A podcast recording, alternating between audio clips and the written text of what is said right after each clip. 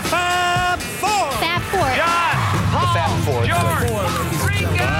Four. Fab Four. Fab Four. We have for you the Fab Four. Fab Forecast. Fab Forecast.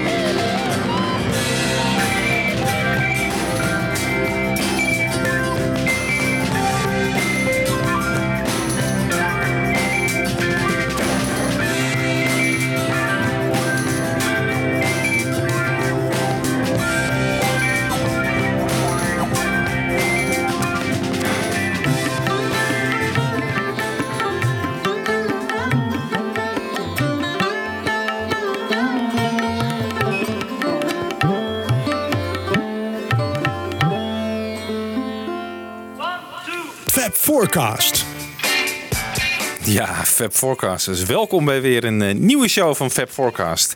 Ik zit hier natuurlijk weer met... Jan Kees. En Michiel. Ja, en eh, we openen met eh, ja, een mix die ik heb gemaakt van een aantal tracks van het Wonderwall album uit 1968 van George Harrison. Het allereerste solo-project van een Beatle. En, eh, of tenminste een solo-LP van een Beatle. En het eerste LP op het Apple-label. Want Two Virgins die zou op 11 november 68 verschijnen. White Album op 22 november. En deze is van begin november. Dus het was de allereerste. Ja, jullie hebben natuurlijk in de tekst bij deze podcast wel gelezen dat het over Lady Madonna en de Inner Light gaat, deze aflevering. En ja, waarom beginnen we dan met Wonderwall? Eh, dat komt omdat eh, Wonderwall eigenlijk een beetje in de tijdlijn tussen Magical Mystery Tour en de opnames van Lady Madonna eh in zitten. En we dachten van ja, dan gaan we die ook meteen maar even meepakken in, eh, in onze show. Eh, Jan Kees gaat natuurlijk straks weer, eh, zoals we het van hem gewend zijn, weer helemaal in. Los. helemaal los. Is in de archieven gedoken en gaat helemaal uitpluizen die, die tracks. Lady Madonna en Inner Light. Wiebel, even, want jij hebt nu die, die Wonderwall dus beluisterd. Hè? Nu, Ja. Misschien ook niet, beluister je ook niet heel vaak, maar nu luister je er dus opnieuw naar. Wat, wat vond je ervan? Ja, ontzettend weird. Ik denk voor achtergrondmuziek is het wel oké, maar dan ook nog eens heel psychedelisch. Ik heb het ook niet van A tot Z geluisterd, gewoon eigenlijk een beetje doorheen gescrolld. Hij staat ook op Spotify, dus dat eh scrolt lekker. Ja. Ehm, ja, het is echt weer dat, dat West meets East, wat eh, Within You Without You eigenlijk ook heeft. Dus het was moeilijk om nog wat leuke dingen te- bij elkaar te vinden? Of, of- Ja, ik kom eigenlijk altijd weer op dat skiing uit, wat je nu net ook hoorde. Dat, dat Ja. riffje van... Waar eh, Clapton en, eh, en Ringo Starr op eh, meespelen. Want dat vind ik ja, dat toch wel het meest toegankelijk, het meest poppy ding dat erop staat. En verder is het heel veel Indiaanse muziek en heel veel instrumentale muziek met de Remo 4. En George is eigenlijk een soort producer van dit project. Hè? Ja. Het is tijdens de montage van Magical Mystery Tour eh, begint George hier al mee met eh, het schrijven ervan. En ehm, Het hij- natuurlijk weken de tijd. Hè, dat Ja. weten we. Want het Ja. duurde eindeloos in montage, het montageproces. ja, en zou George daar heel veel eh, bij geweest zijn? Ik denk het niet, hè? Dus hij had gewoon wel wat tijd. John en Paul waren wel bezig Ja. in die montageruimte. Ja, die liep enorm uit. Precies, dus hij had er alle tijd ervoor. En bovendien kreeg hij de vrije hand om die soundtrack te maken van de regisseur van die film. Ehm, dat was Joe Massett. En dat was een goede vriend van dus. En die zei van nou, eh, ga maar lekker eh, Ja. aan de slag. En, eh, Hebben jullie die film wel eens? Ik heb die film nooit gezien. Maar... Nee, ik ook niet. Nee, hè? Dus, eh, of we weten niet of het werkt. Het gaat over, ik heb de synopsis een beetje gelezen. Het gaat over een man, een beetje een soort ja, teruggetrokken, een beetje kluizenaar. Die op een gegeven moment een steen uit de muur van zijn woning haalt. En dan bij de buren naar binnen kan kijken. En dan ziet hij daar een enorm, ja, eh, psychedelisch eh, schouwspel met een vrouw, eh, een beetje nakend. En, Was helemaal in de tijd. Helemaal in de tijd inderdaad. En er komen orgies volgens mij ook allemaal aan te pas en dergelijke. Maar nou goed, het, is, klinkt interessant. Ja. Leuk voor een pornofilm misschien. Maar Ja. nee, in ieder geval... hij is daar heel november en begin december dus mee aan het schrijven. En de echte opnames die beginnen op eh, 21 december. In eh, een bekende studio die al eh, eerder hier voorbij is gekomen. De Lane Lia Studios. Die studio van Hendrix is dat dus. En dat is voornamelijk met Indiase muziek. Waaronder ehm, een nummer dat heet Tabla and Pakavai. Dat klinkt zo.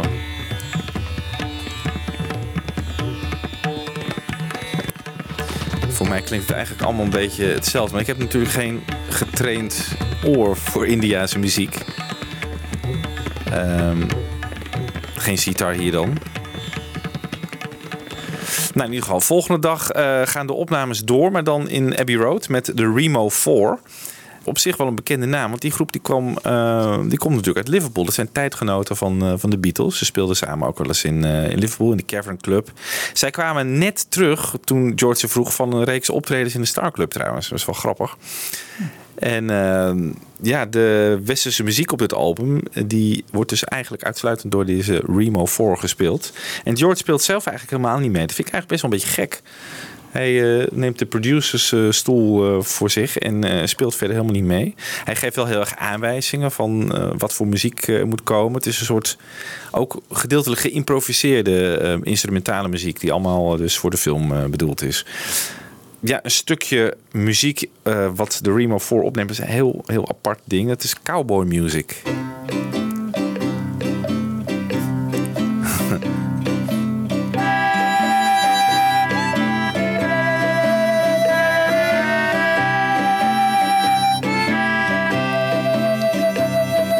Dit had best in eh, Once Upon a Time in the West. Ja, Jij bent toch wel filmmuziek Ja. eh, liefhebber? of ja dit is een beetje Morricone ook. Hè? Morricone, ja. Die was toen heel populair. In die tijd eh, begon dat. Hè? Eh, dus daar, ik denk dat het daar een beetje op gebaseerd is wel hoor. Want Once Upon a Time in the West, ik dacht dat het ook zo uit 68 was of zo rond die tijd. Ja. Ja, dus dat zou best kunnen. Nou, Wat vind jij van als je dit nu zo Nou, hoort? ik vind het leuk. Dit past, past helemaal. Ik bedoel, bij Cowboys past dit wel helemaal. Maar zou het in die film passen? Ik weet niet bij welke scène dit zit, maar Nee, misschien is er een Cowboys scène. dat een van die mannen in die orgie verkleed is eh, als cowboy, dat zou kunnen. Dat zou Ik kunnen. het niet. Maar het is wel grappig hoe die Remo 4, dus die beginnen ergens, die kennen de Beatles inderdaad uit de begintijd. Ja. Je hoort verder nooit wat over dat de, de McCartney en Lennon daar nummers voor schrijven of zo. Of dat ze hits hebben. Of, Ja, één keer, hè? Ja, wel? ja, hebben ze een hit geschreven? Nee, maar ze hebben wel iets, of ze hebben, iets overgenomen. Of, van nee, ze hebben McCartney. volgens mij Tip of My Tongue. Ja, eh, ja. ze steeds op de Ah, backing. ja, eh, Ja, ja. dat is hem. Dat is hem. Ja, Tim En daarna is het weer vier jaar later, duiken ze opeens op. eh, Ja. Op dit album. Ja, maar misschien stonden ze onder contract hè, van... eh, Van Epstein. Het was ook een Epstein-act, hè? Ja, natuurlijk. Ja, ja. En dat ze daardoor makkelijker contact hadden met elkaar. Epstein was natuurlijk overleden, maar eh, dat, dat, dat, dat... Nou, dat klopt. Die was echt drie maanden daarvoor overleden. Dus misschien Ja. dat ze daardoor weer wat contact Oh ja. hebben gehad. Dat, Dat zou is- kunnen. Dat is, hey, dat is een leuke. Ja. Dat is iets om uit te zoeken. Trouwens wel grappig, hoor. Iemand anders op deze plaat die meewerkt. Het is ehm, John Barham.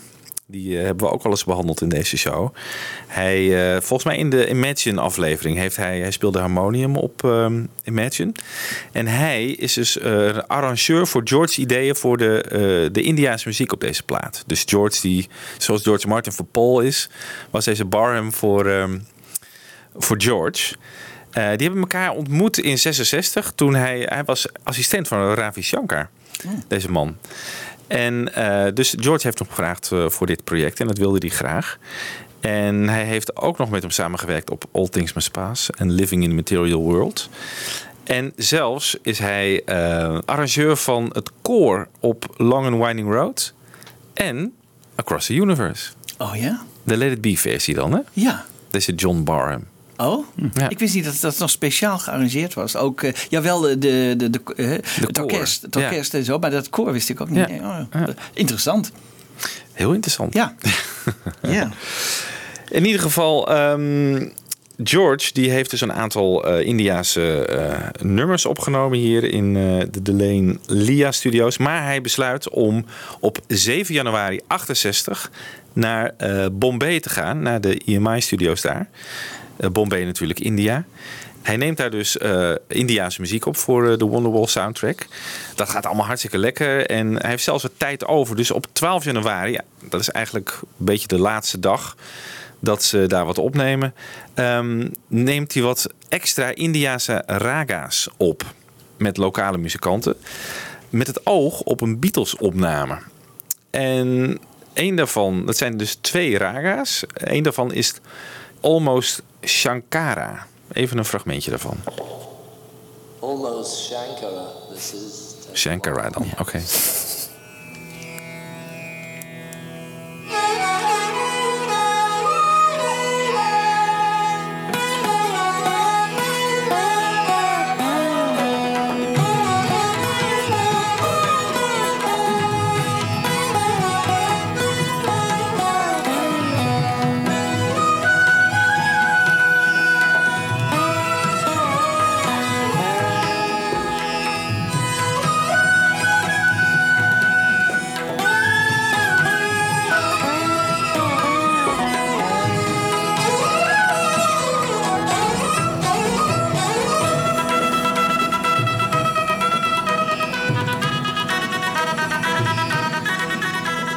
dit had dus zomaar een Beatle-nummer kunnen worden. Ja.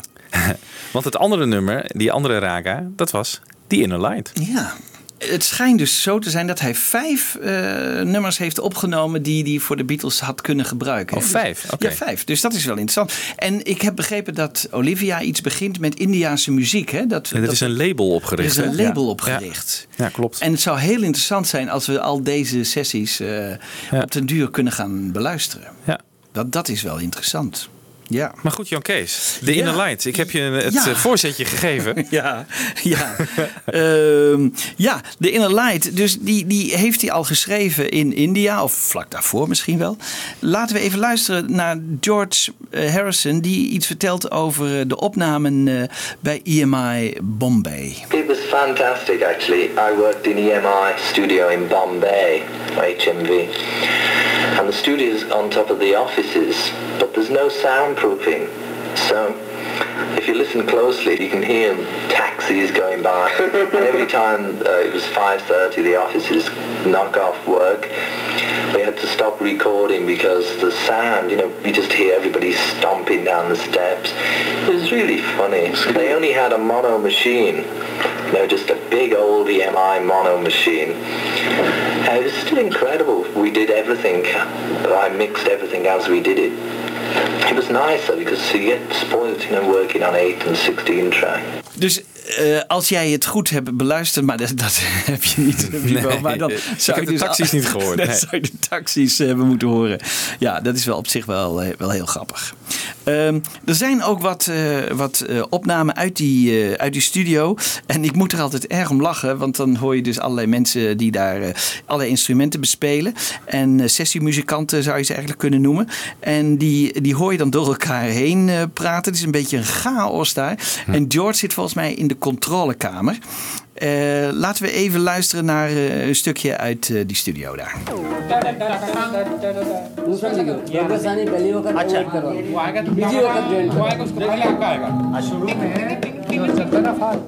One.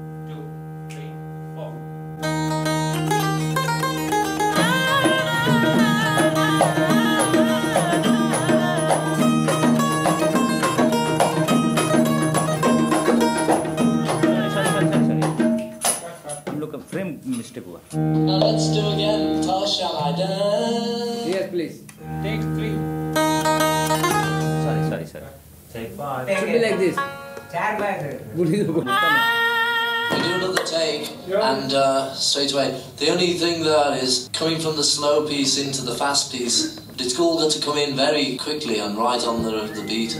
Je hoort hier dus een beetje een, een, een, rare situatie daar in die eh, studio. Maar hij heeft schijnbaar toch de zaken redelijk onder controle. Um, dan, eh, George heeft er ook iets over gezegd. Hè? Want sinds 1966, eigenlijk toen de tour stopte, lag zijn hart eigenlijk steeds meer eh, in India. En eigenlijk is dit ook weer het laatste nummer eigenlijk wat met geheel Indiaanse instrumenten eh, is bespeeld. En, en daarna zal hij minder gebruik gaan maken van Indiaanse instrumenten. Het wordt in één keer minder. Maar dit is dus eigenlijk de allerlaatste keer dat hij echt een heel eh, instrumentaal nummer schrijft. Ehm, laten we even horen wat George daarover te zeggen heeft. my heart was still in India, you know. I mean, that was the big thing for me when that happened in the 66. Uh, it was the after that everything else seemed like hard work, you know. It was a job. It was like doing something I didn't really uh, want to do. I was losing interest in being fab at that point. nog een stukje even uit die studio. En dan gaan we naar take 8. Ik heb daar verder helemaal niks over kunnen vinden in, de, in, in wat voor ehm, administratie dan ook. Uh, noemt het niet, maar hij wordt wel genoemd. En ik heb een stukje wat daarop volgt, maar ik weet niet eh, waar dat vandaan komt. Maar laten we in ieder geval even luisteren. Het komt in ieder geval uit de studio in Bombay. Take 8 van The Inner Light. Last is gezet voor. Da da da. not that Not that. but Just, with, with just, flute I should go just the second one you join. second one Da, okay da, da. yes yes I followed Because the singing goes da da da and stops, and then you go da da da. इस बार आपने मेलोडी पर खत्म किया हाँ लेकिन वो टिंग टिंग So टिंग you टिंग forget इसमें to खत्म go into टिंग that. टिंग लास्ट का ये जो डट डट डट डट डट डट दूसरा लिखो योगासानी पहली वक्त अच्छा। ज्वाइन करो वो आएगा बीजी वक्त ज्वाइन वो करो आएगा उसको पहले आपका आएगा शुरू में Take eight.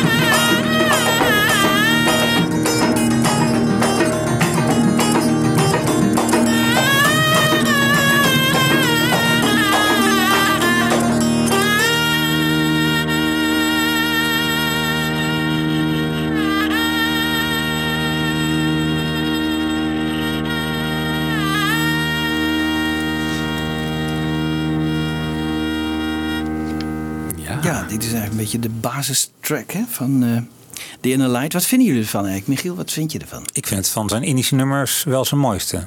Ja, ja ik, nou, Within You Without You vind ik ook, ben ik ook enorm gaan waarderen sinds de Pepper Shows. Maar het is een hele mooie melodie. Ja. Ja. ik vind het ook heel erg mooi. Het is, er zit net iets meer, ja, er zit gewoon meer melodie in dan in Within You Without You. denk Het is heel lief, hè? Het is, eh, Ja. ja. McCartney heeft dat ook gezegd. Ik heb dat nog geprobeerd te, vinden. Eh, die zegt die, die basismelodie. Ik bedoel, je moet er even doorheen luisteren. Maar die basismelodie is heel mooi. En eh, we hebben dat. Ja, hij heeft dat misschien in een geschreven interview ooit gezegd. En, eh, de- en niet voor, voor de microfoon. Maar eh, eh, ze spelen dat bijvoorbeeld ook in, eh, bij de Let It Be sessies. De Inner Light. Eh, Harrison die was er dus waarschijnlijk toch wel aan verknocht. Eh, laten we even een stukje luisteren. eh, Let It Be eh, sessies van 28 januari 69.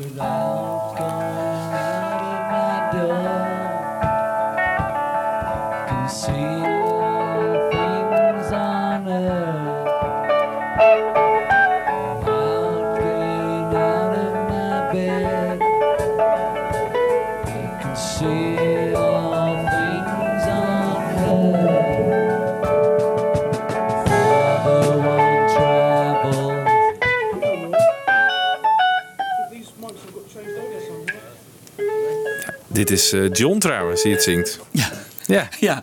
John die een George Harrison nummer zingt. Dat is wel heel bijzonder. Hè? Ja. Maar ik, volgens mij was het Harrison op gitaar. Maar ik weet het niet zeker. Maar eh, het, het zou ook eh Lennon kunnen zijn. Maar Ja. dit is wel... Het was Lennon die het zong in ieder ja, geval. is, alleen- ja, dus eh, heel erg leuk. dat, en, en dat zie je niet vaak veel. Hè? Want Lennon hield zich zelden bezig met Harrison-songs. En dat hij hem toch waardeerde, dat is dan wel weer Ja. heel erg leuk. Ja. Nou, de tekst zal hem ook wel aangesproken hebben, toch? Dat zou inderdaad kunnen. Ja. Ja. Michiel heeft nog een interessant fragment gevonden eh, over de ontstaansgeschiedenis eigenlijk van dit nummer. Eh, Michiel, kun je er iets meer over zeggen? Ja, want hij heeft het dus het nummer, inderdaad, het staat op zijn naam, maar hij heeft de tekst niet zelf geschreven. Hè. De tekst komt, eh, is eigenlijk een hele oude tekst uit het Taoïsme. En hoe kwam Harrison daar nou bij? Nou, hij was op gewezen door een Juan Mascaro, als ik het zo goed uitspreek. En hij was de schrijver van een boek dat heette Lambs of Fire. Dat was al in 1958 verschenen. Dat was eigenlijk een, een compilatie van allerlei religieuze teksten uit allerlei religies. En ehm, nou, op een gegeven moment komt tussen de hele de Beatles en de transcendente meditatie eh, is natuurlijk in, eh in swing. En er komt heel veel media-aandacht voor. In oktober 67 zijn George en John dan bij ehm, David Frost en praten daarover. En er zit op dat moment ook een expert panel, is ook aanwezig in de studio, om over ja, de inhoud van de zaak te praten. En daar behoort ook die meneer Mascaro toe. Dat is een man die is geboren in 1897, dus die is op dat moment 70 jaar oud. Maar ziet toch ook met interesse hoe de Beatles eh, hiermee aan, aan, aan, aan de haal gaan. En nou, daar volgt een briefwisseling tussen George en die meneer Mascaro. Eh, die stuurt een boek, dat boek Lamps of Fire, dus het door hem vertaalde boek met, met, met, al die religieuze teksten erin, stuurt hij naar George en dan zegt hij van nou, kijk eens of je de tekst van eh, ja, nummer 48, of dat nou niet aardig zou zijn om daar een melodie op te schrijven. En dat is eigenlijk eh, hoe, het, eh, hoe het is gaan rollen. Dus het is eigenlijk een, niet een, het is een Indiaanse eh, melodie natuurlijk.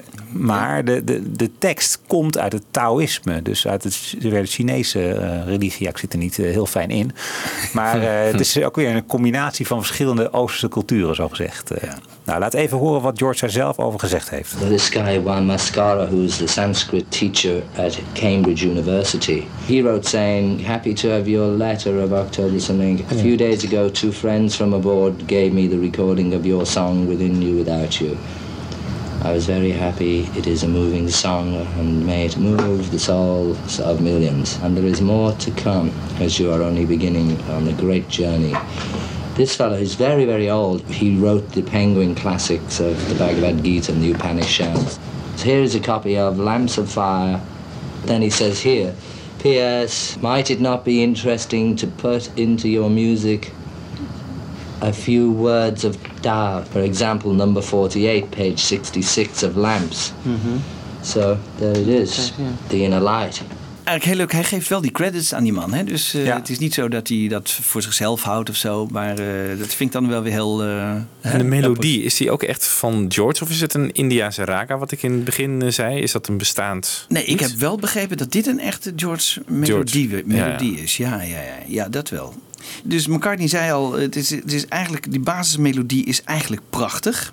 En dat is eigenlijk nog meer te horen als we George de, de, de vocalen horen inzingen. En ehm, ja, laten we, laten we even horen hoe George dat deed. Without going out of my door, I can know all things on earth. Without looking out of my window, I can know the ways of heaven. The farther one travels, the less one knows the less one really knows. Without going out of your door, you can know all things on earth. Without looking out of your window, you can know the ways of heaven. The farther one travels, the less one knows. One really knows. Mooi. Mooi hè? Ja. Vond ik ook. En ehm, ja, het zou bijna een geheel Harrison solo nummer zijn geweest. Waar het niet dat eh, de andere, dat John en Paul ook nog heel even op het eind de, een, een, een één overdub doen. Dus laten we even luisteren naar eh, het einde van de Inner Lights. Arrive without traveling. See all without looking. Do all without doing.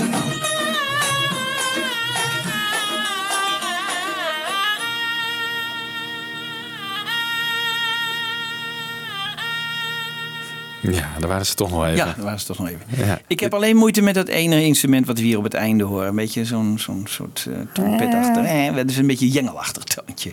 Ja. Maar misschien hebben jullie dat minder. Ik dacht in het begin dat het begon altijd met een eh, soort Indiase vrouw die aan het zingen was. Van, Dat heb ik ook Oh, ja. altijd gedacht, dat het Ja. een vrouw was. Ja. Ja, ja. maar het is gewoon een instrument. Ja, ik weet. Het is een viool, denk ik, of zo. Een Ja. beetje, Of een- is dat niet een blaasinstrument? zijn? Blaasinstrument. Ja. Blaasinstrument? Denk Ja. ik ook, denk ik ook. Nou ja. Ja, ja. Nou, dit staat dan eh, helemaal op band. Eh overdubs natuurlijk gedaan in eh, Abbey Road. Eh, pas ergens in januari. Ehm, maar op 17 januari komt George dus weer terug in Londen. En ik heb eh, ergens unieke audio gevonden, jongens. Leuk. Tussen 17 januari en 25 januari, weet ik niet precies welke dag, gebeurt dit. Ja, Oh jee, gaat weer snor af. er gaat weer de snor af. De snor van George gaat af. Want, McCartney was op 5 mei, als ik me niet vergis. Nee, nou, die vergissen wij ons niet, Michiel. Dat staat echt in ons geheugen Ja. gegrift van het Beatles dagboek. Ja.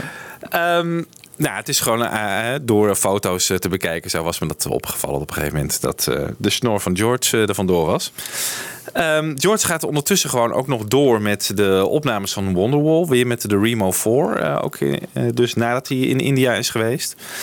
Eh, nou ja, even een tijdlijntje. Op 22 januari eh, wordt het eerste Apple-kantoor eh, geopend aan Wigmore Street. Op de vierde verdieping. Maar ik geloof dat ze daar op een gegeven moment eh, uitgebonjourd zijn. Omdat ze te luide muziek eh, speelden. En eh, te veel ongure types naar binnen liepen, denk ik. En 25 januari, dus drie dagen later, daar heeft George dus al geen snor meer. Want dat weten we doordat ze daar hun cameo opnemen voor de Yellow Submarine film. Ja. Eh, nou ja, die kennen we natuurlijk, maar het is altijd leuk om hem weer even te horen. Catchy tune that. I can't seem to get it out of my head. Well, shake it. That's what we've been doing all night. Oh? Yeah, it was a great party. And we brought back lots of lovely souvenirs. Here is the motor. And I've got a little love. And I've got a hole in my pocket. A hole? Well, half a hole anyway. I gave the rest to Jeremy. What can he do with half a hole? I fixed it to keep his mind from wandering. hey, look. look at John, will you? What's the matter, John Love? Blue meanies? Newer and bluer meanies have been sighted within the vicinity of this theatre. There's only one way to go out. How's that? Singing! One, two, three, ah! Ja. Ja, ik, ik heb begrepen hè, van dit fragment dat Ja. ze dat tegen een zwarte achtergrond hebben opgenomen. Ja. En dat de bedoeling was dat dat werd ingevuld door nog wat eh, fragmenten uit die tekenfilms of zo. Dat die op de Ah, achtergrond. Maar daar zijn ze dus nooit toe gekomen. Ze hebben het helemaal eh, zo uitgezonden zoals ze het hebben opgenomen. Maar dat dat de reden van de zwarte achtergrond was. Je hebt wel, geloof ik, dat er nog, eh, als Paul zegt, brought love of zoiets, dat de woorden love op zijn hand Oh ja. gecartooned zijn. Dus dat is het enige wat ze eraan hebben gedaan. ja, beetje. ze hadden ook tijdgebrek geloof ik bij die film. Het was allemaal op het allerlaatste. Ja, ja. Ja, ja, Maar dit is volgens mij gewoon gescript, toch? Eh, klinkt wel heel erg eh, ingestudeerd. Ja, Ja, dus het klinkt dat wat ingestudeerder dan eh, de kerstsingles, zeg maar. Ja. Ja, die waren niet ingestudeerd. Maar die sfeer is het wel een beetje. De sfeer is het, ja. Ja, ik vind het wel heel leuk om naar te kijken ook. Ja. ja. Ja. Ehm, nou, in ieder geval twee dagen later eh, doet eh, Lennon een interview eh, op Kenwood, ehm, thuis dus, met Kenny Everett. Nou ja, John die klinkt echt ontzettend slaperig. Ik denk dat hij ook stoned is. Stoned, dat wordt altijd over het algemeen gezegd. Ja? Dat, hij, dat hij onder invloed was. Als, weer als, van, ik heb geen idee waar hij het over heeft. We zullen even luisteren. Good morning, listeners, and uh, welcome to that amazing, incredible Kenny Everett show. One of those swinging, all the swing in England set today that you ba- probably come across. A lot of records playing, and you know, generally get together, and none of your FBI playing in the background. No amplifiers. you go on, Ken, then. Great. Dat gaat echt nergens Nee, over. nee. En dat, dat is wel heel erg leuk. Maar we moeten niet vergeten, die John die was natuurlijk ontzettend ongelukkig thuis. Hè? Bij die Cynthia. Want hij had die Yoko, hè? Die, die had hij inmiddels ontmoet. En eh, hij, dat was hij meer met zijn gedachten bij Yoko. En hij wilde eigenlijk helemaal dat, dat hele Kenwood. Hij vond dat vreselijk. Ja. Ja, we zullen daar later ook nog wel een, een goed voorbeeld van horen bij Across the Universe. Maar dit, dit is echt eh, John te voet uit volgens mij eh, in die tijd. eh, ja. Ja, gewoon de hele dag stoned. Maar er er dus er is nog meer van het interview overgebleven. En dan heeft het op een gegeven moment over Strawberry Fields. En dat, daar klinkt hij echt wel gewoon veel helderder. Ja, misschien later op de dag. Maar hij weet zich nog ook niet meer zo heel veel. Of hij, ja, het is natuurlijk voor hem alweer een jaar geleden. Hij is met hele andere dingen bezig. Hè? Ja. En dit was volgens mij een, een groot... de- de- Kenny Everett was een, was- was een groot liefhebber van, dit, van dat nummer. Dus die kwam daar weer op terug. Maar dat was voor hem natuurlijk al verleden tijd. Ja, niet interessant voor hem. Niet interessant. Nee. Nee. Ehm, dan hebben we 1 februari en 2 februari. Dan wordt eh, Wonderwall gemixt door George Harrison samen met eh, Ken Scott. En ja, dan is Wonderwall dus klaar. Maar het komt nog niet uit. Het komt pas dus in november uit. Het is dus in februari al klaar. Pas in november komt het uit. Ongelukkige tijd. Hè? Bijna tegelijkertijd met de dubbele witte. Ja, inderdaad. Ja, dat zouden ze nu nooit meer doen. Dezelfde maand, zoals ik al in de intro zei. Van, eh, In dezelfde maand Wonderwall, Two Virgins en The White Album. Ja, ongelooflijk. Dat is heel raar. Een stukje timing. eh, Ja, nou allemaal dachten ze voor de kerst hè, kunnen we ervan mee profiteren. Maar Ja. Ja. want die film die wordt dus in Cannes gepresenteerd. Hè. George en Ringo zijn er ook bij. Dat is in mei. En die Ja. soundtrack is dus pas in november. Maar het schijnt dus dat de, eh, de producers van de film... die wilden dus de rechten op die soundtrack eh, bemachtigen. Maar dat is hen dus niet gelukt. Ik weet niet waarom. Eh, dus heeft George Wonderwall gewoon via Apple uitgebracht. Oh, nou ja, maar de- dat lijkt me ook bijna wel logisch. Want die Beatles gaven natuurlijk niet zo snel de rechten van hun eigen songs toch weg. En van Nee, maar bij muziek. Hard Day's Night is het natuurlijk ook zo gegaan. Heeft de United Artist heeft die plaat eigenlijk Maar dat, toch stond, ja, maar dat stond in het contract hè, voor Ja. de films die ze met United Artists afges- eh, afgesloten. Maar hierbij al niet meer. Dus eh, ja, ik denk dat ze nu wel bewust waren van hun eigen commerciële eh, waarde, denk ik. Dat, dat is het enige wat ik me kan. Ja, misschien moesten ze het kopen inderdaad, die soundtrack. En kregen ze daar te weinig geld voor. eh, of ze dachten van, ja, dat is, eh, ja, dan gaan we het gewoon zelf wel uitbrengen. ja, Zou kunnen hoor. ja. In ieder geval, ehm, dan komt eh 3 februari Jan Kees. Want hier komt het eigenlijk allemaal... eh, Nou ja, eigenlijk komen we nu terecht waar we eigenlijk moeten zijn. Want eh, ze hebben dus die, die, die opname. Ik heb het een beetje niet allemaal op chronologische volgorde gedaan. Maar er zijn vier nummers waar de Beatles in die, in die eerste week van, van februari 68 aan werken. En waarom werken ze daaraan? Want. ehm, ik denk dat het zo gegaan is. Ik kan het niet nergens staven, maar ik denk wel dat het zo gegaan is. Eh, de Beatles hebben tegen George Martin gezegd: we, zijn, eh, we gaan drie maanden weg. Hè, dat was de bedoeling, drie maanden naar India. En. ehm, ja, dus eh, je hoeft drie maanden niet op ons te rekenen.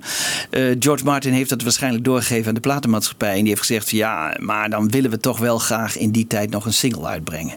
De, George Martin heeft dat waarschijnlijk weer overgebracht eh, aan Paul en John. En willen jullie niet, voordat je weggaat, nog één single opnemen?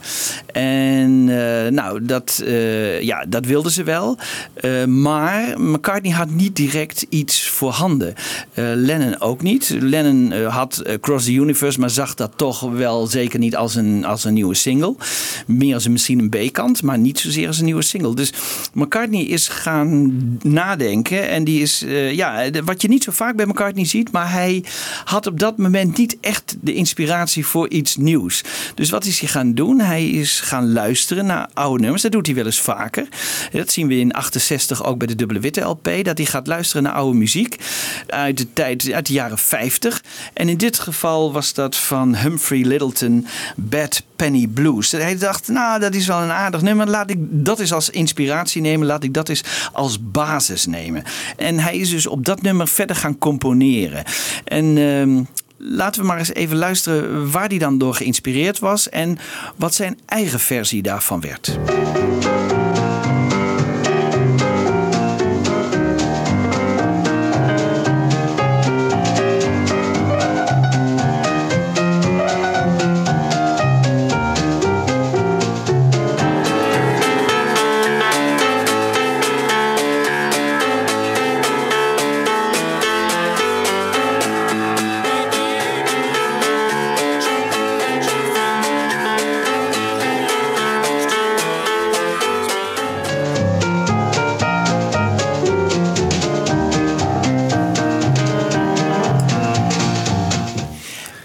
Grappige is, hè, je hoort dus eh, die brushes die gebruiken. Het is eigenlijk precies zo geproduceerd, eigenlijk in, in beginsel, hè, eh, door McCartney als, eh, als de Bad Penny Blues. Want ook dat is een piano en die brushes.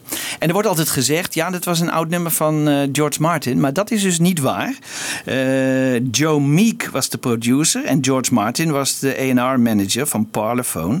En die had dus in principe, ja, hij heeft waarschijnlijk, is er wel misschien wel bij geweest, maar hij heeft er geen invloed op uitgeoefend. Dus het was niet een oude. Maar hij kon zich herinneren dat het met brushes was Ja, gespeeld. dus, dus, want het was een grote hit geweest en, en hij heeft die- dat nummer uitgebracht, dus hij kon zich dat wel herinneren. Dat Ja. is waar. Dat is waar. Dus eh, dat was eigenlijk eh, de eerste opname voor eh, Lady Madonna. Nou ja, althans, we hebben het nu al een beetje beluisterd. Laten we er even nog een keer even goed naar luisteren. Ehm, wat George Martin daar ook over zegt. over die piano van, van McCartney. Want McCartney speelde toch wel op dit nummer een, een geweldige pianopartij. en George Martin vertelt erover. You know, when the Beatles started, none of them played keyboards at all. When they were successful, I think Paul got himself a piano first of all, John later. And yet, in a very short space of time, Paul became extremely good at playing piano.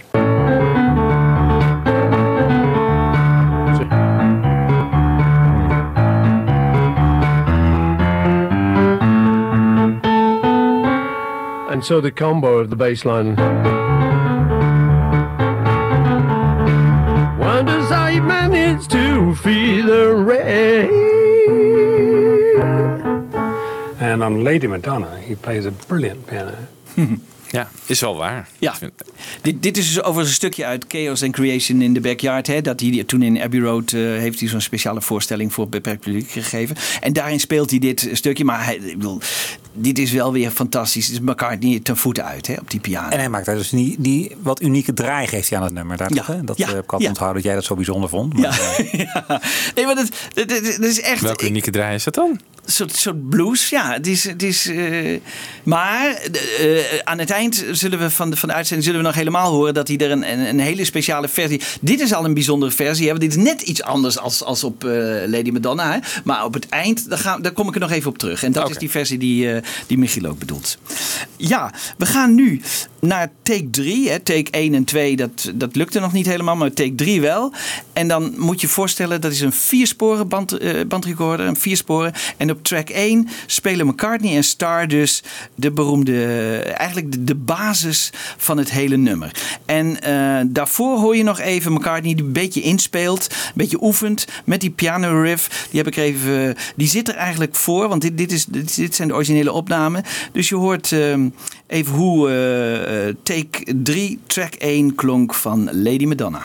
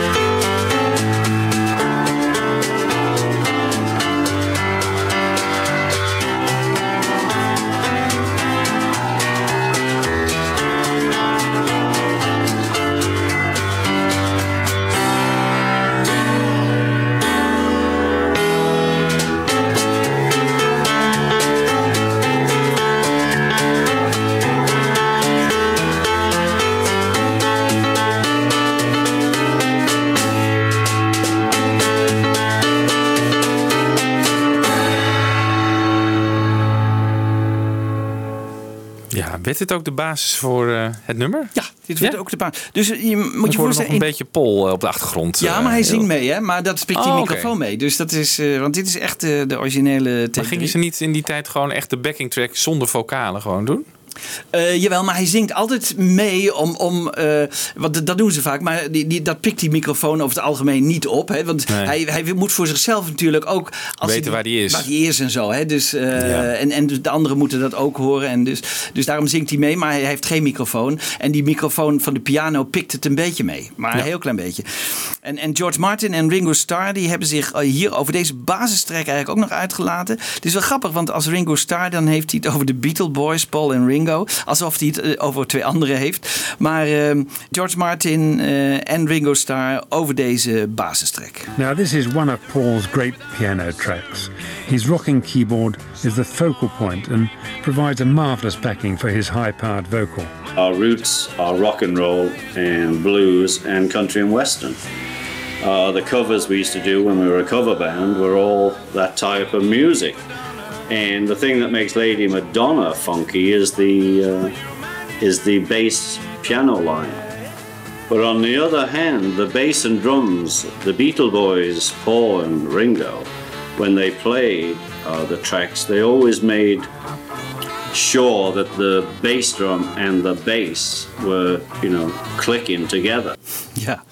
Grappig hè? Hij heeft het over Day. Hè? Als, eh, De ja. Beatle Boys, ja. Ja, alsof hij het niet over zichzelf heeft. Hè? We, nee, niet we, maar Day. Ja, Ja. dat is, eh, Maar hij spreekt over de, link, eigenlijk over de linkerhand van Paul. Zeg maar die de baslijn. Ja. Doe, doe, doe, Ja. Daar, daar let Ringo eigenlijk op. En daar let, eh, let Ringo op, maar hij... hij Terwijl je Ringo eigenlijk niet veel hoort in het nummer. Die zit heel erg ver naar achter gemixt. Ja, maar wacht even, want nu komen de echte drums. Hè? Want eh, het is wel grappig dat je het zegt. Want nu gaan ze dus opnemen. We hebben dus spoor 1. Hè? We hebben dus alleen die piano eh, en die brushes. En nu komt Ringo met, de- met de echte drums. De basgitaar komt erbij. En John en George, die allebei op één versterker zijn aangesloten. En die doen dan de gitaren. En dus dat is op spoor 2 en 3 horen we dus nu de basgitaar, de echte drums en John en George op hun gitaar. Ja,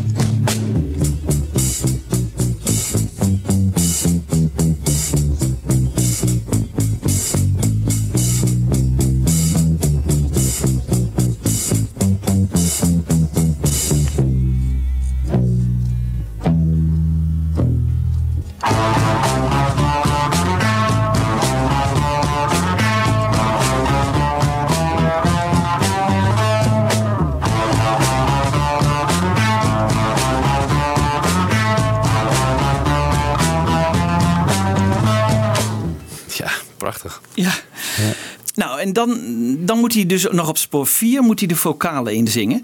En dan eh, heeft hij dus een tekst geschreven. En waar haalt hij die vandaan? Nou, hij heeft zich hierbij een beetje laten inspireren door Fats Domino. Het nummer ehm, Blue Monday. En daar komen eigenlijk alle dagen van de week in voor. Laten we even een stukje Fats horen.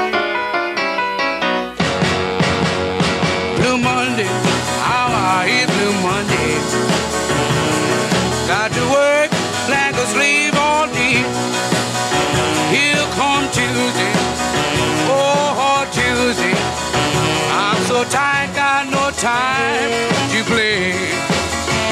Here come Wednesday, I'm beat to my side. My gal called, got to tell her that I'm out. Cause Thursday is a hard working day. And Friday I'll get my pay. Nou, hier hoor je eigenlijk al, hè? Vet. Die Ja. alle dagen van de week doorneemt. Dus dat, dat, dat concept neemt hij over. En dan, eh, waar komt dat nou Monday's Child vandaan? En dat kennen alle Engelsen uit een Engels kinderliedje. eh, die ook alle dagen van de week eh, behandelt. Monday's Child. Laten we daar even naar luisteren. Monday's child is fair of face. Tuesday's child is full of grace. Wednesday's child is full of woe. Thursday's child. Ja. Ja, hij zit wel in de kinderliedjes, hè? Hij zit een beetje in de kinderliedjes. All Together nou eh, ook. Ja, ja. Dus dit is ook iets wat hij zich herinnert. En dan, ehm, dan hebben we See How They Run, hè, wat, wat eigenlijk uit eh, I'm the Walrus komt. Interessant. Maar eh, dat heeft ook weer een geschiedenis, want dat komt uit het nummer Three Blind Mice. Ik denk dus, en dat is interessant om even te onthouden. Lennon is waarschijnlijk geweest bij het componeren van dit, van dit nummer. eh, bij de song. En, en ik denk dat dit eh, Lennon heeft, eh, heeft ingebracht. eh, See How They Run. Maar dat komt dus uit het volgende nummer. Three blind mice, see how they run, see how they run. See how they run like pigs from a gun. See how they fly. See how they run. Ja. Lennon zingt dat ook, hè? See how they run. En dat is, Ja. is Lennon die het straks eh, gaat zingen. Goed, eh, nou dan weten we een beetje waar de dingen van de tekst uit. eh, Maar ook uit, ook uit National Ge- Geographic, of ga je dat nog noemen? Ja, dat is goed. nee, daar- dat is, dat is grappig, want ik wil het net, net noemen. Eh, National Geographic uit 1965. Eh, McCartney zegt dat hij daar eh, de naam Lady Madonna vandaan heeft gehaald. Nu hebben mensen dat. dat is nog helemaal niet zo heel lang, is dat. want, Nee, nee. De mensen, we hadden ze onlangs in de studio, die zeiden dat zij het hadden ontdekt. Hè, Bindervoets en. Echt? Hebben die het ontdekt? Nou, ja. nee. ja, zij zeggen, eh, wij wisten dat eh, al voordat het eh, bekend werd. Alleen ons boek duurde zo lang, tenminste dat hebben ze verteld. Ons boek duurde zo lang bij uitbrengen dat, het, dat we achter de feiten aanliepen. Maar zij hadden zeggen dat, dat ze dat hebben ontdekt in een oude versie van National Geographic uit, ik geloof november 65 of zo. Ja. Dus ook niet echt uit de 68, maar uit een. En daarin komt een, een foto, iedereen kan dat terugvinden. Mountain Madonna. En dus niet Lady Madonna, maar Mountain Madonna. En daar schijnt McCartney dus weer Lady Madonna van te hebben gemaakt. Dus. eh, En dat is een vrouw, inderdaad, met drie kinderen om zich heen. En één zit aan haar tepel te zuigen. Dus dat is inderdaad echt... Nou, daar kwam bij hem de gedachte op van hoe, hoe manage die vrouw dat nou eigenlijk allemaal. Ja, baby, Ja. baby at your breast, hè? Ja. Baby at your breast. Daar komt het. Dus, het is, het is wel grappig. Hè? Dus hij heeft dit keer heel veel inspiratie uit heel veel verschillende bronnen eigenlijk gebruikt eh, Ja. bij dit nummer. En het is er niet minder om geworden. Ehm, hij, hij doet die vocals en dan in één keer goed. Dat vind ik dan ook weer zo knap. Hè? Eh, dus het vierde spoor is nog leeg en dan doet hij dat en dan doet hij dat in één keer. Het is niet nog een keer overgedubt en dingen. Nee, dat doet hij in één keer goed. Ehm, ik heb een mix gemaakt waarbij ik hem af en toe even los eh, laat horen en af en toe even met de backing track. Dan kun je dat een beetje goed beoordelen. Eh, laten we even luisteren naar McCartney die de vocal overdubs doet.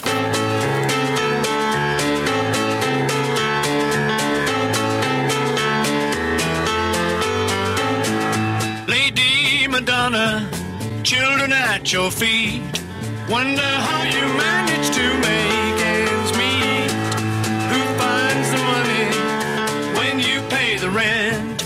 Did you think that money was heaven sent? Friday night arrives without a suitcase. Sunday morning creeping like a nun. Monday's has learned to tie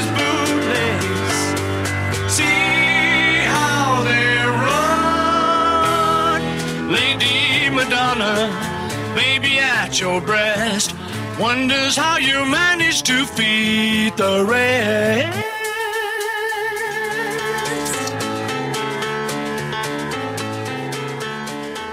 Wel grappig dat ik hoor altijd eh packed without a suitcase. Hij, dat suitcase, het woord, dat spreekt hij niet helemaal lekker uit. Ah, ja. Ik heb me altijd afgevraagd, is dat nou met een... Doordat hij dat overdubt twee keer? Maar dat is volgens mij niet zo. Het is een enkele vocal. Dat is een enkele vocal. hij verspreekt zich een heel klein beetje volgens mij. Oh ja. Ja, wat leuk, wat leuk, wat leuk. Maar ja, goed. Hij deed het dus ook in één keer en het was in één keer goed. En hij heeft denk ik gedacht, nou, ik heb dit met zoveel power, zoveel... Ik ga dat niet nog een keer overdoen, een kleine verspreking. Dat zie je wel vaker bij elkaar, die, dat die, dan, die kleine dingen dan er wel in laat. eh, Maar hij zet een heerlijke stem neer eigenlijk. Hè? Bedoel, Ja, zo'n- gaan we het zo over hebben. Oh, gaan we het zo over hebben, Ja. Gaan we geweldig. het zo over hebben. Eh, aan het eind... Ik- Ja, jij bent ik hou gewoon even een half in mijn mond. Nee, eh. nee, nee. nee. Ehm, aan het eind, dan verzint hij nog iets. En waarschijnlijk heeft hij al in zijn hoofd dat hij, voordat hij die allerlaatste woorden zegt, nog een sax solo wil hebben. Dat is echt McCartney. Hè? Die heeft al helemaal in zijn hoofd hoe hij zo'n so- song wil, wil laten klinken. En dit wordt er later helemaal uitgemixt hoor. Maar laten we even horen hoe hij hoe die dat eind doet.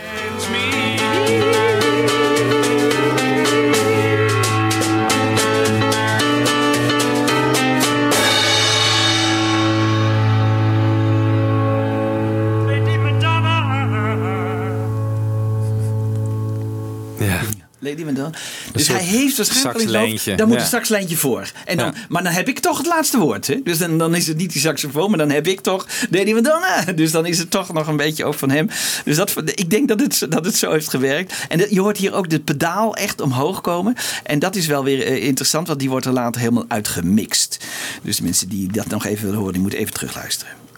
Ehm, dan wordt er gezegd, en dat is leuk wat Michiel net eh, aanhaalt, die stem. Veel wordt gezegd, eh McCartney doet eh Fats Domino. Maar McCartney zelf heeft altijd gezegd, nee, ik had Elvis in gedachten. Hè, Elvis Presley.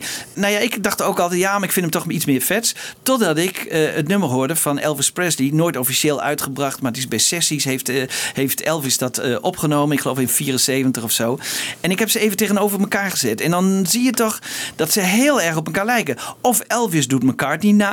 Of McCartney Elvis. Maar eh, het lijkt in ieder geval heel grappig en, eh, op elkaar. En laten we even luisteren naar een mix tussen Elvis en eh, McCartney.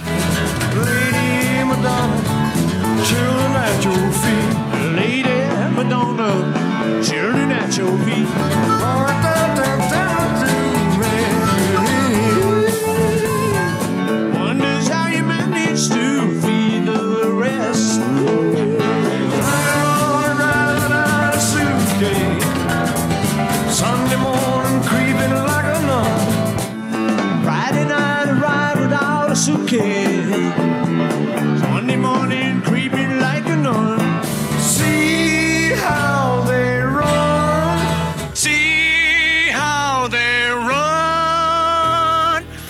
Ja, je had even de Wings Over America versie gebruikt. Ja, ja, ja. Behalve de laatste, ja. Ja, misschien. Ja, eh, maar ik vond het wel heel erg eh, op elkaar eh, lijken. Het is wel. Ja, het is wel Elvis. Maar Elvis, Paul kon ook een goede Elvis-imitatie nadoen, hè?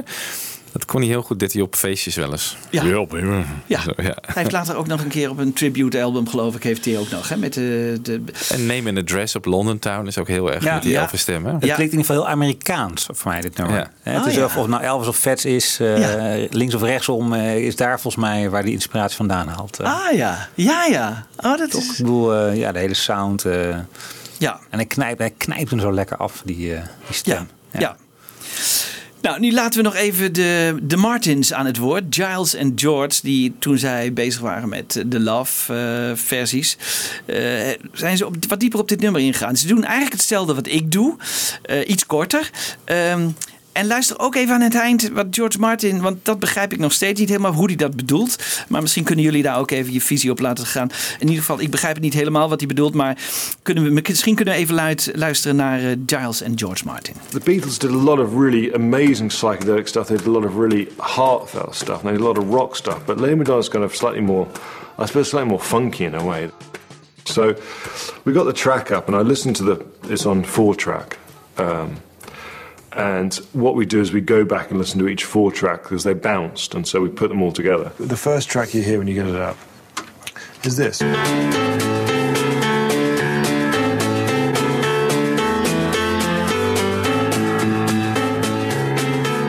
Yeah. Which is. It's almost boogie woogie. Yeah, it's great. And then on top of that, they put this.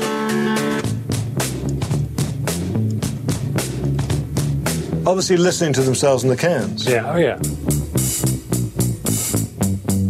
And if you put them both together, On Lady Madonna, we departed from our normal procedure because normally we would lay down a rhythm track and overdub things on it.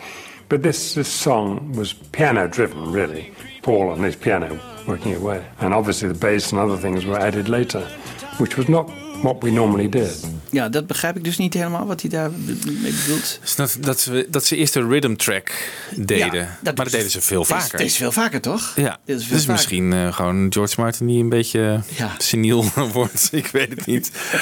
ja, nee. nee, maar dat deden ze veel vaker. Ja, ja toch? En, en ook de, de overdubs, de stem en zo. Dat, eh, het volgen nog helemaal het schema zoals Ja. ze dat heel vaak hebben. Hè? Dus nou, dan- dan lag het niet helemaal aan mij. Maar ik vond het toch eh, een beetje raar. Maar goed, eh, je- hoort een beetje. Zij doen eigenlijk hetzelfde wat ik doe en wat ik deed hier. Hè? Ja. Tracks 1, 2.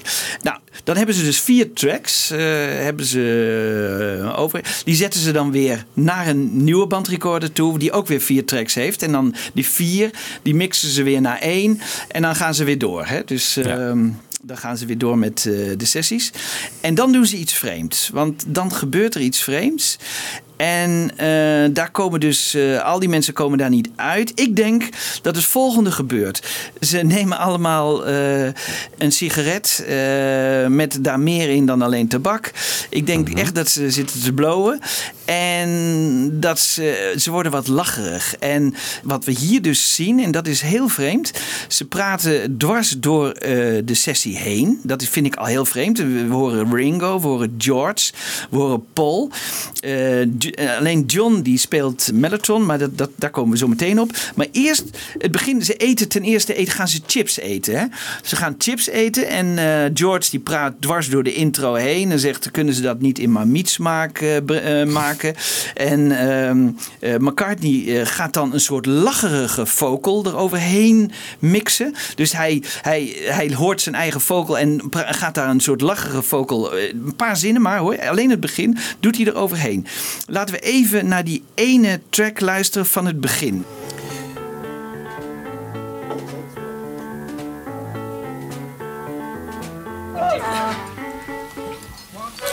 You should make Marmite flavour ones. If you guys in. I don't like marmalade. Lady, my darling.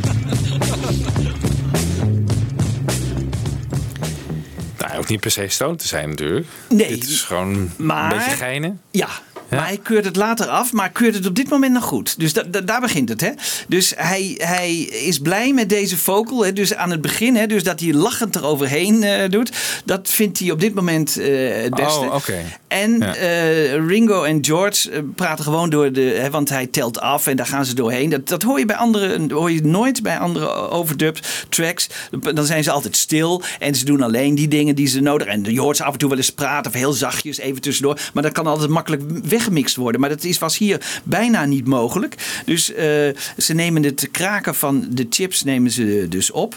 En. ehm, nu moeten we even weten dat de stem van McCartney die je hoort zingen, dat is dus al opgenomen. Hè? Die, is, die is er al, die horen zij. En ze gaan hier weer, John gaat op Mellotron er iets op eh, doen. Laten we even luisteren naar deze, het, tweede gedeelte van deze sessie.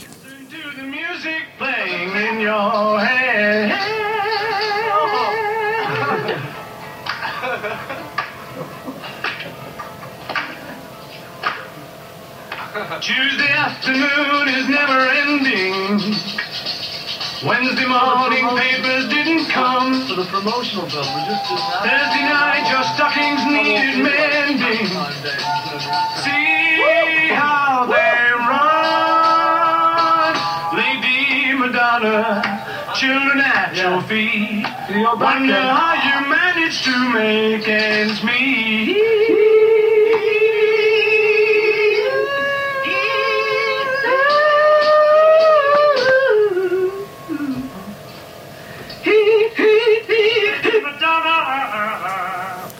Dit is niet een of ander eh, dat ze even moeten luisteren of de instellingen of eh, een, een soort. Nee, want het is bewaard gebleven. Nee, want anders, nee, want anders zouden ze. Nee, want eh, deze hebben ze bewaard en hebben ze gebruikt ook. Hè? Dus dat is het. Ehm, en dit, het rare is, ze gaan hier in één keer praten over de promotiefilm die ze willen maken van Lady Madonna. Dus ze weten dus al dat dit een nieuwe single wordt. Dat is interessant. Maar dwars door een, door een sessie in. Je hoort ze ook een beetje lachen, een beetje giechelen. Ja. Op het eind ongeconcentreerd. Hi, hi, dat, dat, dat dingen. Dus, ehm, eh, maar dat gaat ze nog opbreken hoor. Dit gaat ze nog eh, enorm opbreken. Want dit wordt nog een. eh, Spannend dit allemaal. ja, ja. Ehm, want McCartney denkt, ik heb dat nummer van Fats Domino gehoord. En eh, het is wat Michiel zegt, dat is interessant. Hè? Het is een beetje een typische New Orleans rock waar dit een beetje op gebaseerd is. Hè? Eh, en hij wil eigenlijk ook saxofoons. Maar ze hebben geen tijd om saxofoons in te huren. Ehm, dus wat doen, wat bedenkt McCartney? We gaan een saxofoon nadoen in onze vuist. Eh, we, we gaan proberen die, die, die, die sax solo na te doen. Maar eerst eventjes, waarop baseerde hij dat? Want hij luisterde dus naar het nummer van Fats Domino. En dit was de sax die hij ook eigenlijk wilde hebben.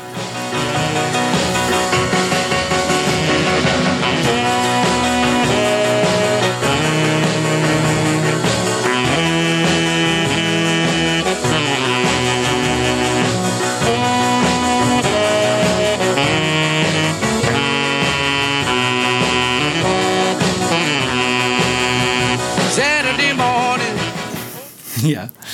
Eh, McCartney bedenkt, ik wil twee gewone saxofoons en twee eh alt-saxofoons. En die wil ik eh, na laten doen door onszelf. Nou, dat gaan ze dus, daar gaan ze beginnen. Want ze hebben geen tijd en ze willen allemaal snel door. En ze hebben geen tijd om die saxofonisten in te huren. Dus ze gaan het zelf doen. Laten we even luisteren hoe ze dat dan gaan doen.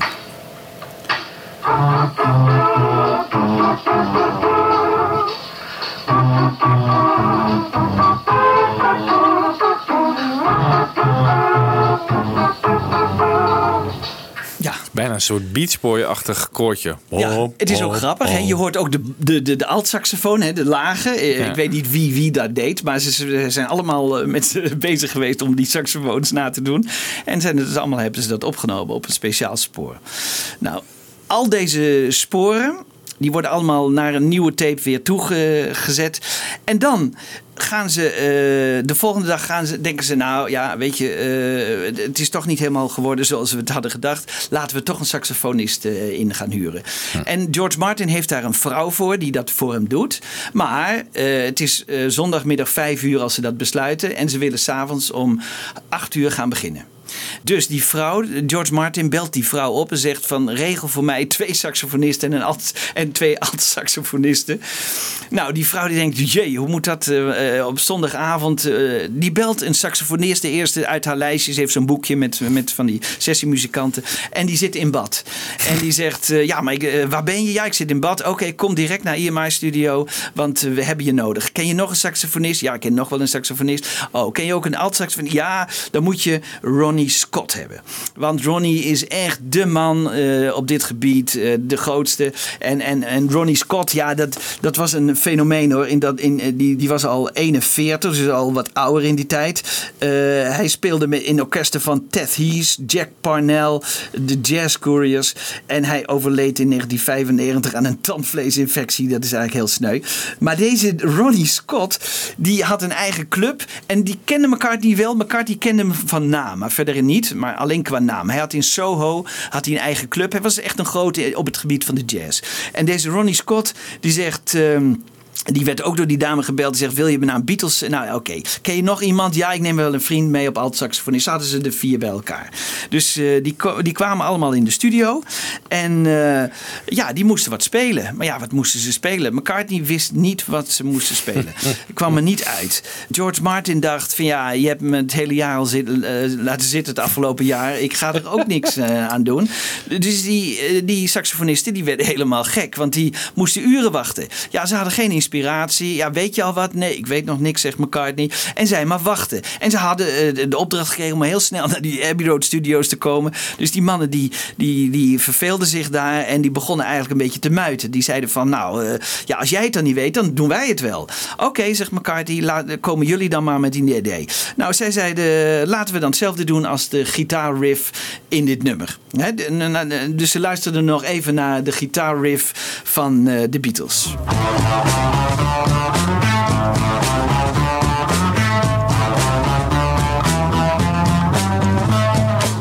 Nou, deze saxofonisten die schreven dat, want die jongens die waren gewend eh, om in de studio te werken, dus die schreven dat voor zichzelf even uit en eh, twee keer een, eh, een blaadje en ze lazen dat met z'n vieren van twee blaadjes.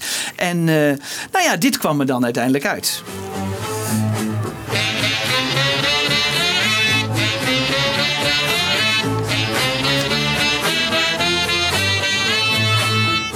Nou, dat eh, klonk. Uiteindelijk was iedereen daar blij mee. Hè. Eh, om 12 uur. Ze zeiden, ja, als we dat van tevoren hadden geweten, hadden we het binnen een paar minuten kunnen doen. dus, eh, maar ze hebben uren zitten wachten en uiteindelijk hebben ze het dus zelf opgelost. Maar toen moesten ze nog twee sax-solo's. Want McCartney zegt, ja, ik wil op, op- vlak voor het einde wil ik een sax-solo en helemaal op het einde. Hè. Dat hebben we toen straks beluisterd. Hè. Dan, dan laat McCartney een ruimte vrij voor een sax-solo, helemaal op het eind, waar die nog, Lady Madonna, dat zingt hij dan na die sax-solo. En, en eh, eh, tijdens het Beatle-nummer wil hij ook een sax-solo. Maar hij komt weer niet eh, tot inspiratie. Hij zegt, ja, maar ik weet niet wat, wat, wat je daar moet spelen. Totdat Ronnie Scott, die werd echt helemaal gek. En die zegt, oké, als jij het niet doet, dan doe ik het zelf wel. Ik improviseer wel. Laat mij maar doen. Ik speel de eerste solo nu in. Nou, en wat het dan wordt, dat is het volgende.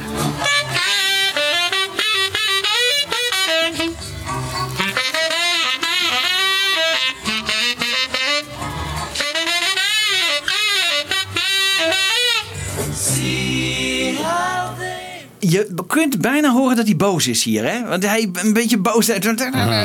En dan. eh, die eindsolo. McCartney heeft weer geen inspiratie. Dan zegt hij: Oké, die doe ik ook. Maar dan ben ik ook weg. En het grappige is: ik heb deze even losgehaald. Het lijkt alsof je hoort dat hij hem inspeelt. En alsof hij direct daarna het instrument al inpakt en al bezig gaat. Moet je, je moet je echt. Laten we even luisteren Ja, naar, die eind, naar die eind van die saxolo.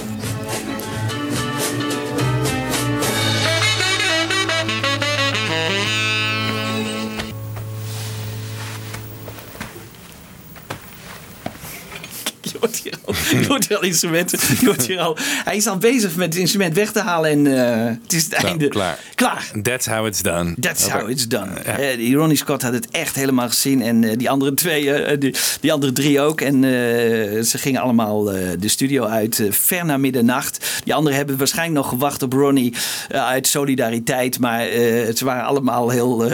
ze, waren, nou ja, ze waren er boos over. Dit was eigenlijk gemixt bij. Want ze hebben eh, Ronnie en zijn maten de nieuwe eh, Beatles single eigenlijk laten horen. En dat was met de nieuwe vocals. Dus die, jullie kunnen nog herinneren, McCartney heeft één keer de vocals goed ingezongen. En daarna heeft hij nog die lachige versie eroverheen. En samen klonk het eigenlijk zo. Lady Madonna, children at your feet. Wonder how you Dat wilde hij er serieus in laten. Ja, dat Dat wil gelach. ik er serieus inlaten. Ja. Ja, nu weet ik niet of ze stoned waren toen ze dat hebben gedaan. Maar ik neem aan van wel dat, dat die nog onder invloed was. Want ze hebben er dus met medeweten van McCartney... hebben ze dit gemixt naar een nieuw spoor. En naast dit spoor eh, hebben Ronnie en zijn maten... die, die saxofoonsolo in eh, gezongen. hè. Dus je moet je voorstellen, dan kan het niet meer veranderd worden. Dat, dat, eh, je kunt dus dan niet meer naar die oude mix terug. Want dan loopt het async. Want wat gebeurt er als je die oude, eh, goede mix van McCartney. Hè, dus die, die, die, die eerste vocals die hij heeft ingezongen. Als je die weer naast de saxofoonsolo zet. Dan gaat de hele zaak async lopen. En ik heb even een voorbeeldje gemaakt van wat er dan gaat gebeuren. Dus laten we maar even een stukje luisteren.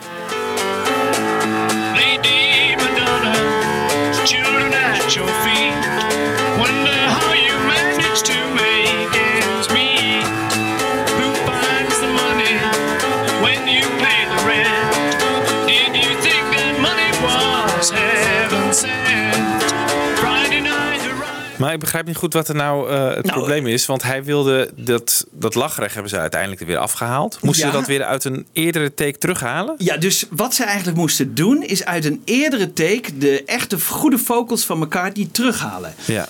En dat kan eigenlijk niet, want je kunt niet eh, teruggaan weer. Want als je één keer eh, weer eh, allerlei sporen hebt samengemixt en je gaat naar een nieuwe machine toe en daar ga je weer op verder en dan ga je weer naar een nieuwe machine en dan ga je weer op verder. Maar Ja. je kunt dus niet van verder terug. Dat kunnen ze tegenwoordig wel, maar toen nog niet. Dus je kunt eigenlijk niet die vocals terughalen. Dus ze hadden een heel groot probleem.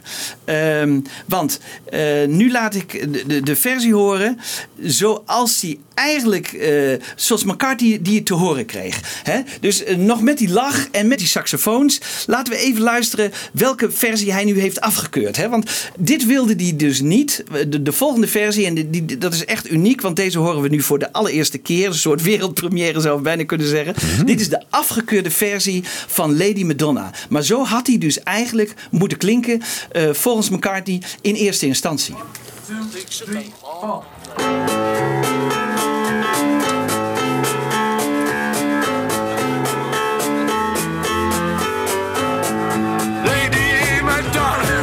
children at your feet. Wonder how you manage to make ends meet. Who finds the money when you pay the rent? Did you think that money was heaven sent? Friday night arrives without a suitcase. Sunday morning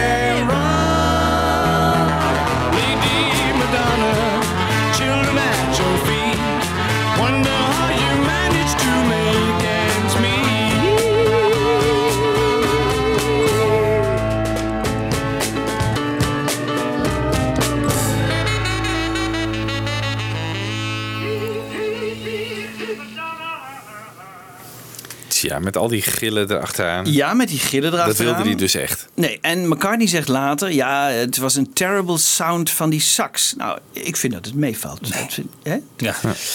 Dus hij komt de volgende dag en luistert, beluistert dus de volgende dag weer helemaal sober. Hè, en beluistert dus deze mix. En hij zegt, ja, maar dat wil ik niet. Ik wil niet dat gelach erin. En die saxofoon wil ik eigenlijk ook minder. Eh, die, die vindt hij waarschijnlijk te prominent nu op dit moment. Dus, eh, maar ja, ze zeggen, we kunnen niet terug. Want eh, we hebben jouw vocals al gemixt. En we kunnen niet die oude vocals nog weer eruit halen. Ja, hij zegt, maar hoe het ook is, los dat maar zelf op. Dus wat ze vervolgens hebben gedaan, denk ik... ze hebben die saxofoons allemaal op een losse tape gezet... en zijn weer teruggegaan naar de oude tape met de goede vocals... Mhm. hè, en hebben die gebruikt... en eh, hebben die eh, saxofoon eh, tape hebben ze los, daar denk ik, ingestart. Ik denk dat dat nog het allermakkelijkste was... want dan heb je minder problemen met synchroniteit. Dan kun je zeggen, oké, op dit moment moet de saxofoon erin... en op dit moment kan die er weer uit... en dit moment... en dan is het, zijn het maar kleine stukjes. Ik denk dat dat gebeurd is. Maar dat had wel tot gevolg dat die hele saxofoongeschiedenis... dat die sterk wordt ingekort. Want die hele eindsaxofoon hebben ze er gewoon uitgehaald. Ja. Hè, zoals we weten. Ja. Die andere hebben ze eh, sterk op de achtergrond eh, gemixt. Waarschijnlijk ook om, om te voorkomen dat het niet al te asynchroon klonk. Dus eh, dat is eigenlijk de reden dat die hele saxofoons nauwelijks meer of veel minder op de voorgrond kwamen dan oorspronkelijk de bedoeling was. En dat is dus een hele rare geschiedenis. Maar ik vermoed dus dat alles, de basis hiervan is geweest.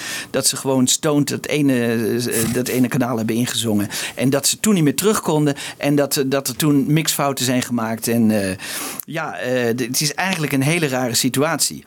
En daar komt Lewis er niet uit en Win komt er niet uit. Maar ik heb het nu, als ik het nu zo'n beetje ga eh, analyseren en alles achter elkaar ga zetten, denk ik dat daar de fout is gemaakt en dat dat het, dat dat het is geweest.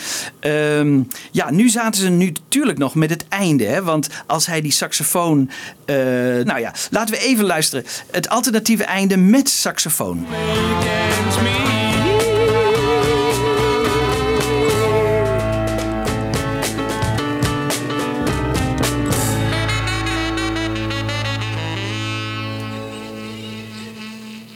Zo had hij kunnen klinken, hè? Ja, op zich niet eh, verkeerd, toch? Nee, nee, nee, nee.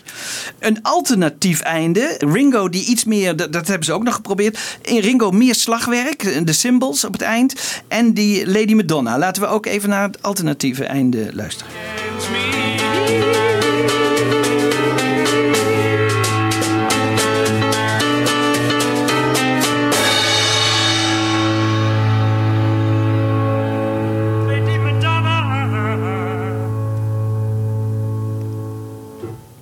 Ja, het klonk nog even, het verhaal nog even omhoog. Dit, dit, komt dit, nog- dit had gekund. Ja. Dit had gekund. Maar er komt nog drums overheen, dus echt. eh, Ja, en nu laten we even horen hoe het uiteindelijk is geworden. Het einde op de plaat.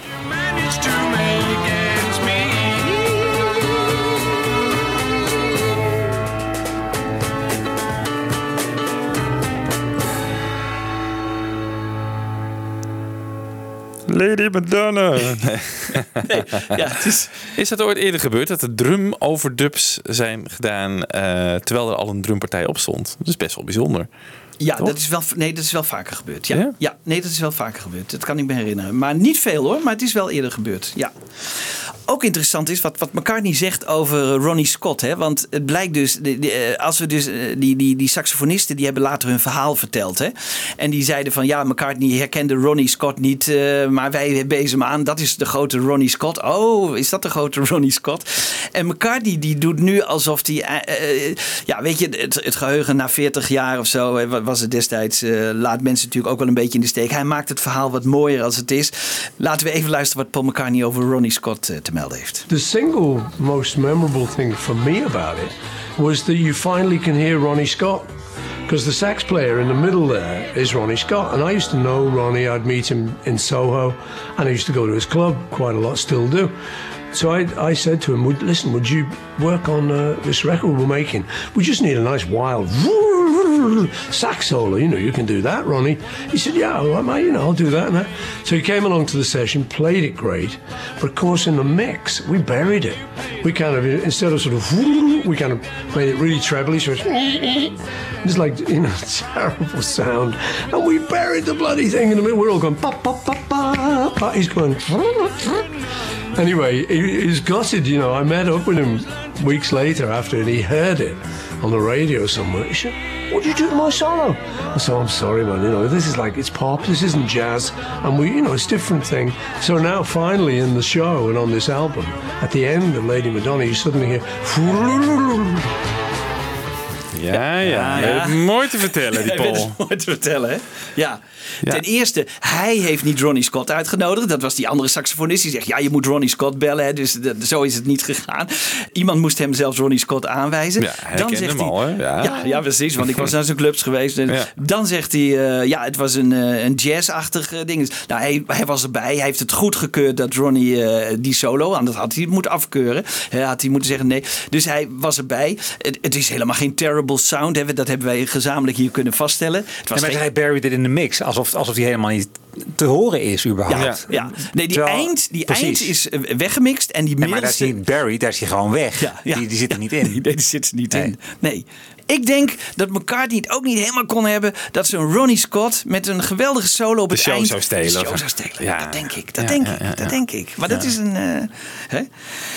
McCartney. Terwijl ik het wel mooi had gevonden als die eindsax erin zou, zou zijn gebleven. Het is niet zoals bij Penny Lane dat je denkt dat trompetje, nee, dat had je weg moeten laten. Nee. Hier klinkt, het, klinkt het goed. Ja, klinkt het goed hè? Ja, en, en ze hebben het dus later niet voor niks. Hè? Hebben ze het nog, eh, hebben ze hem wel naar voren gehaald. Ik geloof bij de Love eh, sessies, maar eh, en, en ook eh, daarvoor al in Anthology geloof Ja. ik. Dat Ja, ze daar zit hij ook ja, in. daar zit Ja. hij ook al in. Hè? Zeker. Ja.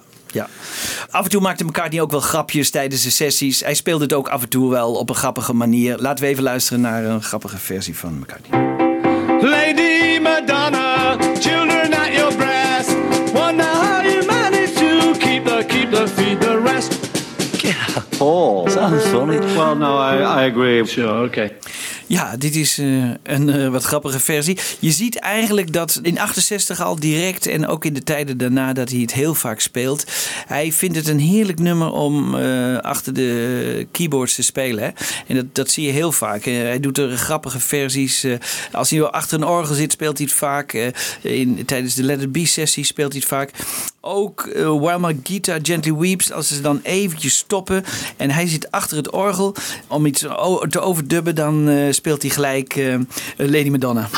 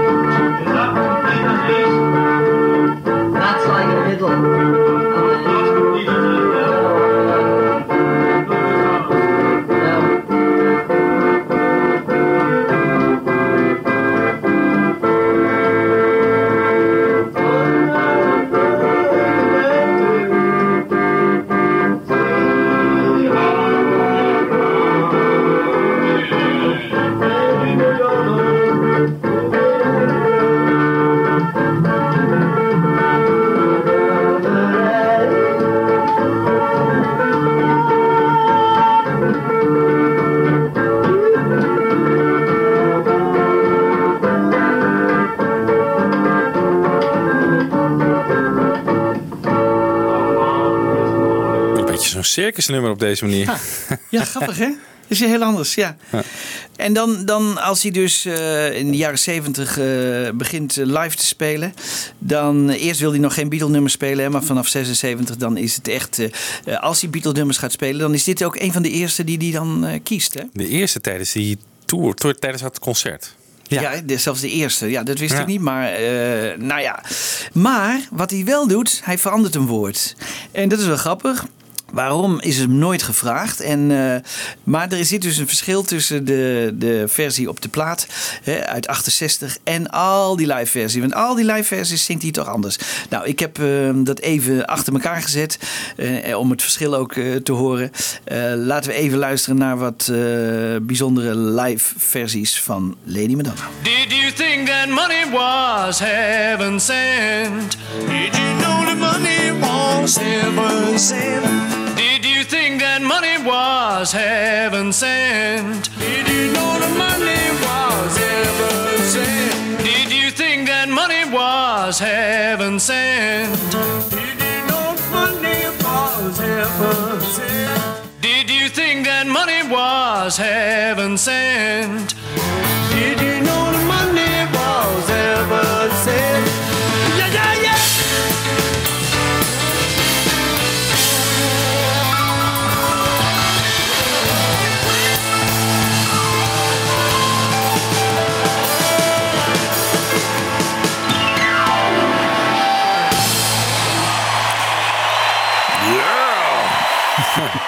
denk dat we er niet te veel achter moeten zoeken, Jan Kees. Nee, hè? Nee. Did you think and did, Did you, you- know? Ja, ja. Bij Let It Be zingt hij ook van And in my darkest hour.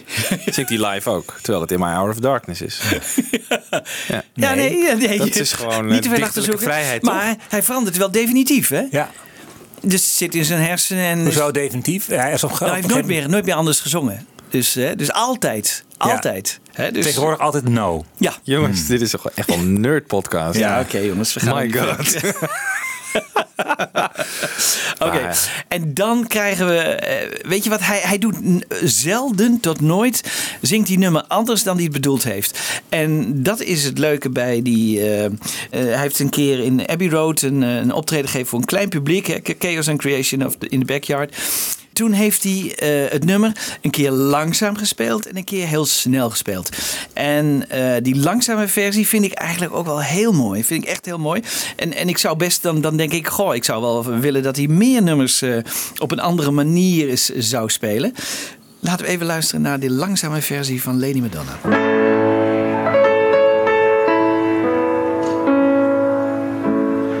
So this is an old lady in new clothes.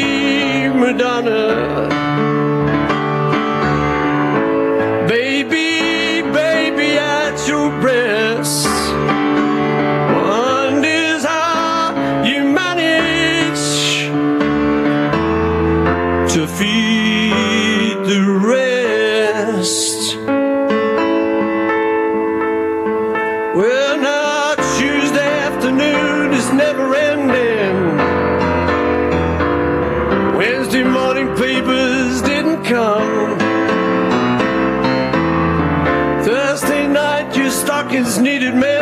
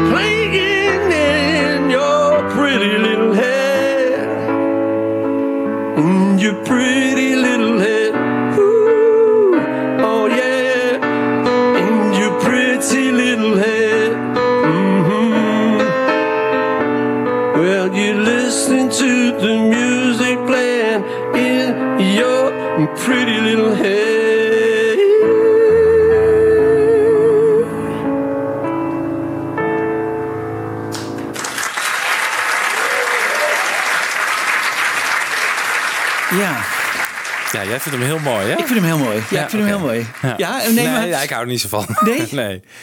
Nee, het, het, het wordt ontdaan van alle rock en, en, en, en seks die in het nummer zit, vind ik. Ja, Ja. maar het kan toch naast... Het, Dit kan Ik vind ernaast het interessant hoor, ja zeker. Ja, het kan ernaast goed bestaan. Ja. ja. En ik vind stoor me ook wel aan zijn stem, moet ik zeggen. Maar goed, dat is... Ja, oké, eh, maar ja. dat... Ik vind zelf wel die- interessant die kruisverwijzing naar eh, Press to Play. Pretty Little Head. Ja. Oh ja, hey. Hey, Ja, dat dat zingt hij ook niet meer anders, toch? Nee, nee, nee, Pretty Little Head. Nee, dat is waar. Dat is leuk. Ja. Dat zal wel niet bewust zijn. Laten we er niet te veel achter zoeken. Nee. Maar het is toch een nummer dat hij dus drie keer gebruikt in die, in die video hè, van, van die dingen. Eh, drie keer horen we hem dus eh, dit, dit nummer spelen. En dat, het moet dus voor hem ook een bijzonder nummer zijn. Maar hoe ranken jullie dit nummer? Wat, eh, hoe hoog staat dit in jullie favoriete lijst van Nou, het is een, ik, ik vind het een heerlijk nummer. En zeker die remix van, wat was het? De Number Ones van de afgelopen, eh, nou wat is het, drie, vier jaar geleden. Ja. Die was pas echt lekker, want toen eh, was die mix goed. En normaal, de oude mix, dan begint de piano zo in je linkeroor. Heel raar. Ja, ja. Misschien moet je ook de mono-mix luisteren, maar ja, daar ben ik eh, dan niet mee opgegroeid. Maar toen kregen we weer een beetje herwaardering voor het nummer. En, en ja, die live versie op Wings of America is misschien Oh, nog wel ja. favoriet. Voor mij ook, ja. Heel lekker. Ja. En wat ik ook grappig vind, nou, nou jij het allemaal liet horen naar elkaar. Hè, de Beatles die met hun mond zeg maar, die saxofoonsolo spelen. En dan heb je daarna die blaaspartij erbovenop. En daar nog een keer die saxsolo. Nou, als geheel vind ik het een heel geslaagd arrangement. Eh, het klopt Ja. helemaal. Het past allemaal Ja. bij het nummer. En het is, eh, ja, Ja. het klopt helemaal. En je kan natuurlijk ook denken van ja, dat met de mond inspelen had, had je niet hoeven doen. Je had daar meteen al een saxpartij onder moeten zetten. Of zo, een flinke batterij blazers had ook gekund. Maar Ja. Nee, ik vind het als geheel, eh, ik bedoel, met, met, met alle foutjes, want we weten nu hoe dat komt. Je Ja, vertelt ja. net van ja, we wilden eigenlijk helemaal geen blaas inhuren. Nee, en nee. dan dat, dat restje blijft toch zitten, maar Ja. in het eindproduct klinkt het heel goed. Ja. Goed, ja jongens, we moeten eh, stoppen. En we, we kunnen niet eh, helaas eh, ook die versie uit 2009 en de 76 versie meer laten horen. Mhm. Maar ik heb nog wel een hele bijzondere. En die, die is misschien dan weer meer voor jou, Wibo. Want Komt de seks je- terug? Je Ja. wordt op je, op je wenken bediend. Dit is de hele snelle versie. Dus hij heeft aan het eind van die show daar in, in Abbey Road... Heeft hij, ehm, heeft hij het nummer nog een keer heel snel gespeeld. En nou, de- ik, ik zou eigenlijk daarmee willen eindigen. Eh, eh, toch een bijzondere single uit het begin van 68. Hij heeft het ook goed gedaan volgens mij aan beide kanten. Eh, of heeft hij niet... hij was wel nummer 1 toch? Ja, neem ik aan. Ja. Hij staat op Ones, dus... Ja. Ja, zeker in Engeland. Amerika weet ik niet, maar zeker in Engeland. Ja. Oké. Ja. Goed, dus we eindigen met de snelle versie van Lady Madonna. Lady Madonna. En eh, tot de volgende keer eh, namens eh, Michiel. en, En namens Wibo. en, en Kees. Hey, we sluiten nu ook met de namen af. Oké. Nou, bijzonder.